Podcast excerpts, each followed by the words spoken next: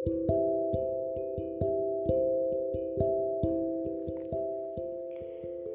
dan kamu menjadi kita sebatas teman. Dari kalimat tersebut sudah jelas bahwa ada batas yang harus aku dan kamu patuhi.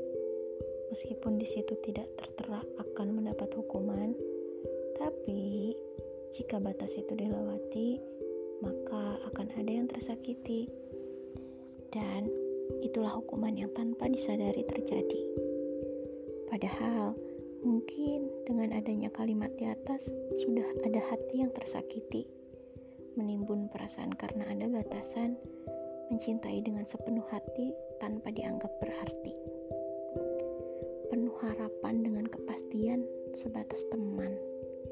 Mungkin bisa lebih dari teman, tapi cuma sahabatan Seru ya punya perasaan terhadap teman yang setiap hari cerita tentang gebetan, mantan, atau kisah cinta dia pacaran.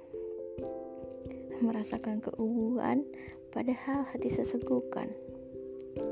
Aku selalu bahagia lihat kamu bahagia tanpa kamu tahu ada hati yang terluka. Iya, iya.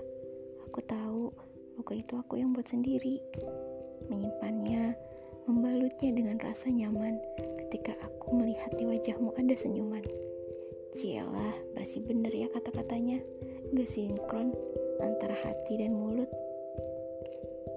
Aku dan kamu sebatas sayang tanpa melibatkan perasaan. Loh, kok gitu? Emang bisa ya?